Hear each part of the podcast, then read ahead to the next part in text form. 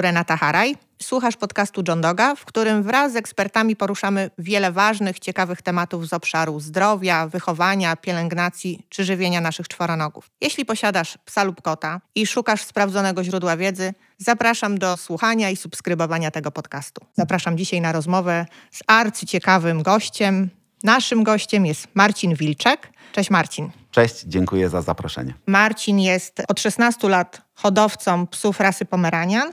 Jest również wiceprzewodniczącym oddziału Olsztyn Związku Kynologicznego w Polsce i przewodniczącym oddziałowej komisji hodowlanej. Marcin wyhodował ponad 50 czempionów, a jego psy 70 razy zdobywały tytuł Best in Show, czyli rzeczywiście gratuluję, to jest wyjątkowe osiągnięcie. Marcin, powiedziałeś mi kiedyś, że jeśli się szuka naprawdę dobrej hodowli i zakładamy, że jesteśmy osobą, która wymarzyła sobie pieska właśnie z konkretnej hodowli, to wystarczy zadać hodowcy dwa pytania. Jedno pytanie o ilość wyhodowanych pokoleń, a drugie o ilość wyhodowanych czempionów. Ale załóżmy, że mamy taką sytuację, że wymarzyłam sobie psa z tej konkretnej rasy, ale niekoniecznie chcę mieć czempiona. Niekoniecznie interesują mnie wystawy i tego typu rywalizacja. Jak powinnam się do tego zabrać? Co powinnam sprawdzić w hodowli? No więc tak, no każda hodowla, każdy hodowca ma swój przydomek hodowlany. Jest to tak zwana nazwa hodowli. I osoba zainteresowana kupnem szczeniaka z danej hodowli, jeżeli chciałaby sprawdzić, czy rzeczywiście hodowla ta jest zarejestrowana w Związku Kynologicznym w Polsce, jedynej organizacji w Polsce, która należy do Międzynarodowej Federacji Kynologicznej FCI, powinna zapytać o nazwę hodowli zadzwonić do siedziby głównej Związku Kynologicznego w Polsce i tam zostanie jej udzielona odpowiedź, czy rzeczywiście taka hodowla jest zarejestrowana w Związku Kynologicznym w Polsce. Czyli rozumiem, że przydomek identyfikuje nam tą hodowlę i nie będziemy mieli dwóch, trzech, czterech hodowli o takim samym przydomku, czyli nazwie, tak? Tak, oczywiście. Nie ma takiej możliwości. Przydomek hodowlany zatwierdza Międzynarodowa Federacja Kynologiczna, sprawdzając, czy nie ma tak brzmiących bądź podobnie brzmiących nazw hodowli właściwie we wszystkich krajach należących do FCI, także nie ma takiej możliwości, żeby dwie hodowle o takiej samej nazwie istniały. Okej, okay, czyli mamy wybraną hodowlę, mamy sprawdzoną hodowlę, że ona jest zarejestrowana w związku i co dalej? No i teraz tak, no, no jeżeli jesteśmy zainteresowani i zdecydowani nabyciem szczenięcia z tej hodowli, no to powinniśmy umówić się do hodowcy, tak? Jeżeli szczeniaczki już są, a najprawdopodobniej trzeba będzie trochę poczekać. We wszystkich profesjonalnych hodowlach nie ma miotów na okrągło. Te mioty są przemyślane, skojarzenia są dobierane tak, żeby uzyskać jak najlepsze potomstwo. Często też e, ilość osób zainteresowanych zakupem w dobrej hodowli też jest e, większa, są listy oczekujących, więc najlepiej umówić się na wizytę i pojechać do hodowli, porozmawiać z hodowcą, zobaczyć warunki, zobaczyć pieski i jeżeli rzeczywiście nam się podobają, no to poczekać na swojego szczeniaczka. W momencie, kiedy taki szczeniaczek już będzie, no przyjeżdża się do hodowli i można równie dobrze zobaczyć wiele innych dokumentów świadczących o tym, że ten piesek rzeczywiście jest pieskiem ładnym, zdrowym. Jest na przykład coś takiego jak przegląd e, miotu Przegląd miotu wykonuje komisja ze, z danego oddziału Związku Kynologicznego w Polsce. Opisuje te szczeniaczki, jak wyglądają, w jakiej są kondycji. Jeżeli mają jakiekolwiek wady, także to jest w tym protokole zawarte. I taki protokół powinien zostać okazany kupującemu. Może przeczytać, zobaczyć, co komisja hodowlana twierdzi o jego piesku. I wtedy mamy pewność, że ten piesek rzeczywiście jest psem rasowym, zdrowym, nie posiada wad i możemy go nabyć. Wiesz co, ciągle jak myślimy o szczeniakach, to myślimy jak o członku rodziny, ale wiem, że y, nabywając takiego psa, powinniśmy podpisać umowę. Jakkolwiek to brzmi trochę przedmiotowo, no bo w końcu nie kupujemy samochodu, ale kogoś, kto będzie nam towarzyszył, będzie naszym przyjacielem. Co w takiej umowie z Twojej perspektywy hodowcy z wieloletnim doświadczeniem powinno się znaleźć, znajdować? Na co powinniśmy my, jako powiedzmy niedoświadczeni kupcy, zwrócić uwagę?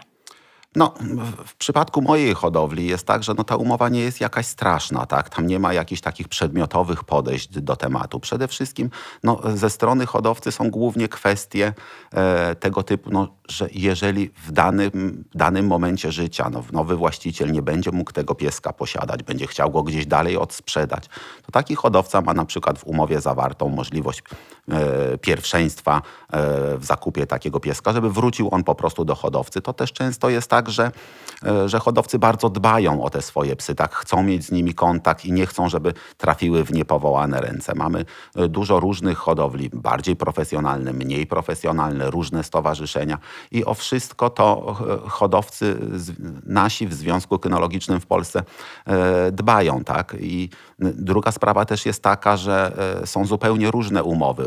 Zupełnie inną jest umowa na pieska, który jest sprzedawany, jak to się mówi, do kochania, chociaż ja nie lubię tego określenia. No jest to piesek po prostu niewystawowy albo piesek członek rodziny, pies rodzinny. Tak? Każdy tak? pies jest do kochania. Oczywiście, każdy, każdy pies jest do kochania, dlatego to właśnie, właśnie takie powiedzenie, które się już mhm. obyło pies przez, przez lata, że pies tak. na kolanka, pies do kochania. No każdy jest do kochania oczywiście, więc ja wolę powiedzieć, że to piesek niewystawowy, no albo po prostu towarzysz e, rodziny i druga, druga zupełnie inna umowa na psy typowo wystawowe. Każda rasa ma swój wzorzec, wzorzec FCI i my się tego wzorca musimy trzymać. Tam jest wszystko opisane, każda część ciała, ząbki, zgryzy, wielkość, noszenie ogona, no przeróżne rzeczy.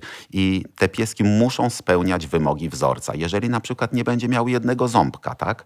a dany wzorzec rasy mówi, że musi mieć pełne uzębienie, no to my już takiego pieska na wystawy wysłać nie możemy. Ale może być wspaniałym towarzyszem rodziny i być sprzedany właśnie jako ten piesek na kolanka. Tak? I to wszystko musi być zawarte w umowie. W przypadku mojej hodowli jest to no, jest nawet taki aspekt bardzo wesoły, bo ja mam na przykład ostatnią stronę, to jest tak zwana instrukcja obsługi pomeraniana.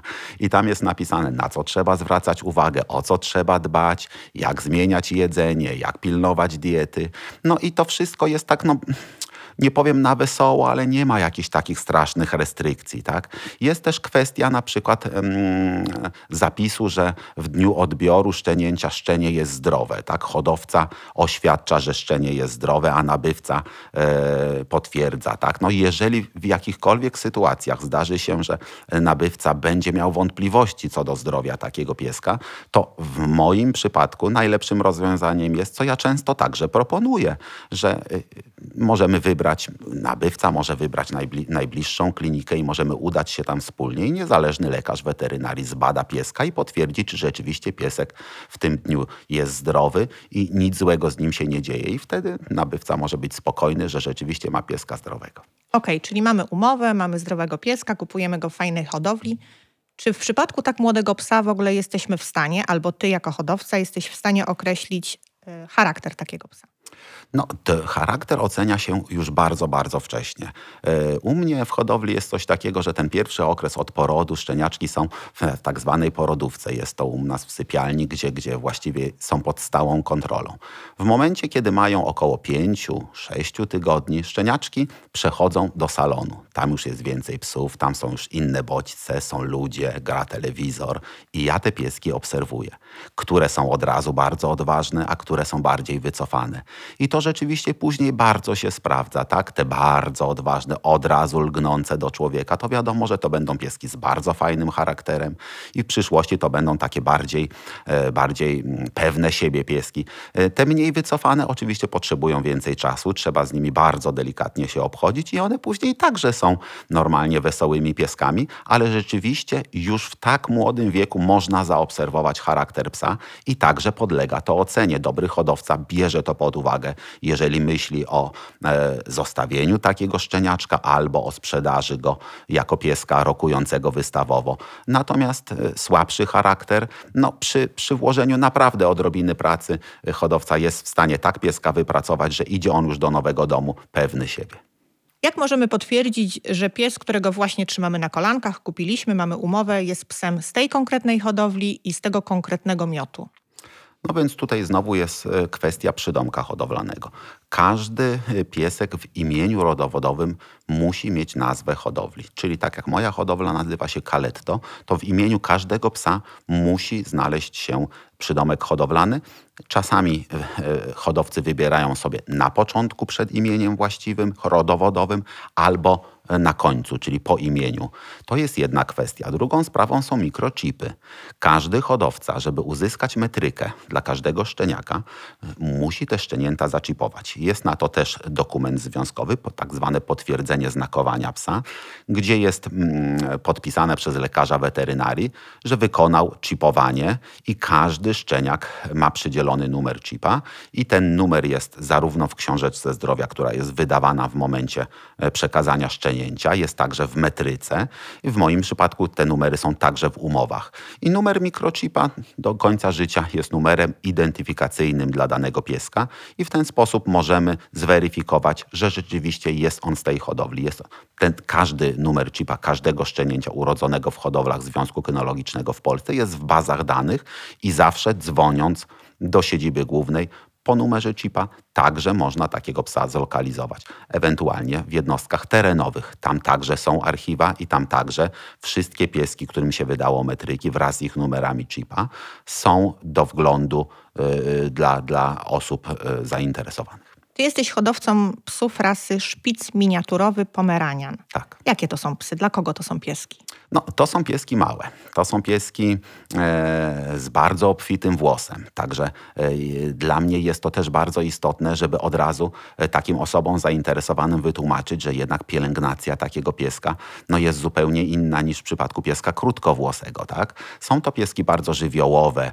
E, przy małym wzroście zawsze uczulam, e, że e, w przypadku rodzin z małymi dziećmi nie do końca, myślę, jest to czas na, na, na, na nabycie takiego pieska. Tu przede wszystkim trzeba uważać, żeby mu nie zrobić krzywdy, e, bo ten piesek naprawdę w ułamku sekundy może znaleźć się pod naszymi nogami, także trzeba bardzo pilnować, żeby go nie nadepnąć, żeby mu nie zrobić krzywdy. Pytam się zawsze o inne zwierzęta w domu, czy są koty, czy są inne psy. Często ludzie mają dużego pieska i później chcą takiego malutkiego pomeraniana. To e, nie twierdzę, że te pieski e, będą agresywne do siebie, bo zazwyczaj one się bardzo szybko zaprzyjaźniają, ale wiem także z doświadczenia, że duży pies nawet w zabawie może zrobić takiemu małemu krzywdę. Więc mm, są to psy rodzinne jak najbardziej, ale y, nie w każdych sytuacjach i nie dla każdego. No, dużo ludzi pyta się mnie, czy te pieski szczekają. Tak, rzeczywiście one potrafią być szczekliwe, ale niektóre absolutnie nie. Więc to też jest ciężko powiedzieć, czy dany szczeniak będzie tym szczekliwym, śpiewającym, czy może jednak będzie spokojny. Ale o takich rzeczach też mówię. Bardzo ważne jest, żeby hodowca mówił zarówno o zaletach, jak i o wadach danej rasy, bo każde rasy tak mają. Nie ma psów idealnych ale myślę, że przy odrobinie e, pracy i cierpliwości Pomeranian mógłby być psem prawie że dla każdego. Okej, okay, a powiedz mi, bo pewnie często spotykasz się z takim pytaniem. Lepiej wybrać, jeśli jesteśmy niedoświadczonym e, właścicielem, e, Lepiej wybrać sunie czy pieska? No, to jest właśnie pytanie bardzo często mi zadawane. I ja na dobrą sprawę nie mam odpowiedzi na to pytanie, bo ja nie mam ulubionej płci. Zarówno suki, jak i samce mają zalety, ale mają także wady. No, suczki miewają cieczki, więc jest krwawienie, jest więcej pielęgnacji. Samce znowu, zwłaszcza w okresie dorastania i później nabierają instynktów samczych, tak? Jak poczują cieczkę gdzieś na spacerze czy u sąsiada, to potrafią podsikiwać, zaznaczać teren, czasami także śpiewać śpiewać, jak tą cieczkę czują wieczorami w domu. Z drugiej strony, no wiadomo, suczka po cieczce też bardzo często gubi jednak troszeczkę włosa, więc tej pielęgnacji też jest du du dużo więcej. Ciężko mi jest powiedzieć. Mam w domu i samce, i suczki i naprawdę nie mam tej płci ulubionej. Czy pielęgnacja w przypadku tej rasy psów to jest właśnie to, o co masz najwięcej pytań od właścicieli później, którzy biorą od ciebie psa? To znaczy tak, no pielęgnacja to jest jednak podstawa w tej rasie. Ludzie oglądają w internecie piękne, puszyste te kuleczki i myślą, że one tak cały czas wyglądają. Nie, o to trzeba zadbać i rzeczywiście włożyć troszeczkę pracy w to, żeby ten piesek wyglądał tak efektownie. Regularne kąpiele, strzyżenia, czesanie, to wszystko wpływa na to, że ten piesek później w efekcie wygląda jak właśnie puszysta kuleczka. To jest też no, no, temat rzeka, no bo wiadomo, że pomeranian też to, to nie jest tak, że on od początku rodzi się puszysty i cały czas taki jest. A on, jak wygląda pomeranian? Pomeranian rodzi się jako taka mała, puszysta kuleczka, bardzo często w zupełnie innym kolorze niż rzeczywiście Mm, kolor, jaki będzie miał w dorosłym wieku. Często są takie e, z takim nalotem szarym, takie myszki, tak? a później są pomarańczowymi pomeranianami. Często ludzie tego nie rozumieją. Pokazuje wtedy mniej więcej na tych częściach ciała, gdzie już widać, jak, jak wychodzi kolor e, ostateczny, pokazuje, jaki to będzie kolor w dorosłym wieku. E, no i mm, jest ten okres e, wymiany włosa, czyli bardzo długi okres, kiedy pomeranian dojrzewa, bo włos szczenięcy musi zrzucić. W to miejsce rośnie włos taki młodzieżowy, troszkę dorosły, troszkę jeszcze szczenięcy i on też jest na chwilę. Później jest kolejna wymiana włosa. I w tych, w tych okresach wymiany włosa one bywają naprawdę mało efektowne. Wyglądają jak takie małpki, pisklaczki. Tak powinna wyglądać wymiana włosa. Natomiast pomeranian w pełnym, dojrzałym włosie Czyli jest po jest... drugim roku życia. O właśnie, drugi rok. Tak. I po drugim roku życia ten pomeranian już osiąga włos ostateczny, który oczywiście jest zmieniany regularnie co roku, ale e, no, już trakcie wymiany włosa on znowu dochodzi do tej kondycji i do tej jakości włosa, jaką miał wcześniej. Tak? Więc no, muszą być nabywcy świadomi tego, że nie jest to tak, że on od początku do końca jest kuleczką, on musi ten włos zmieniać i regularne lnienie, wymiana włosa jest bardzo w tej rasie istotna. No i w tych momentach tego włosa w domu jest więcej. Często ludzie dzwonią, co zrobić, żeby tego włosa nie fruwało.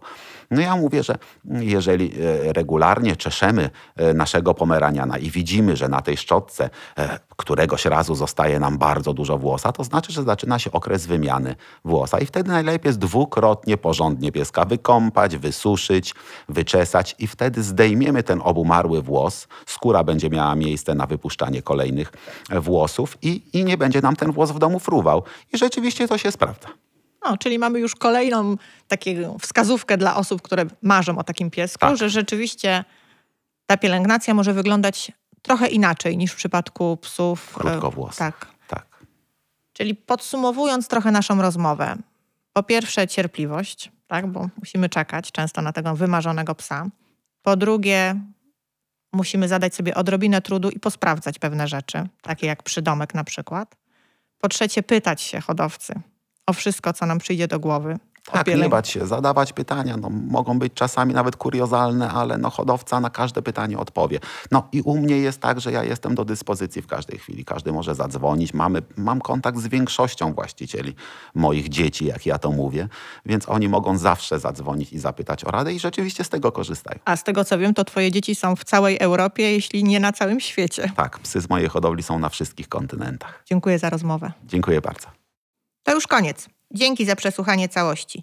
Jeśli podobał Ci się ten odcinek i chcesz otrzymywać powiadomienia o kolejnych rozmowach z ekspertami, pamiętaj, żeby zasubskrybować nasz podcast. A jeśli masz ochotę na jeszcze większą dawkę sprawdzonej wiedzy na temat czworonogów, koniecznie odwiedź stronę johndog.pl i sekcję know-how. Znajdziesz tam mnóstwo materiałów, które tworzymy we współpracy ze specjalistami, między innymi lekarzem weterynarii, fizjoterapeutą czy behawiorystą. Zachęcam również do odwiedzenia naszego kanału na YouTube oraz profili na Facebooku i Instagramie. Dziękuję jeszcze raz i do usłyszenia w następnym odcinku.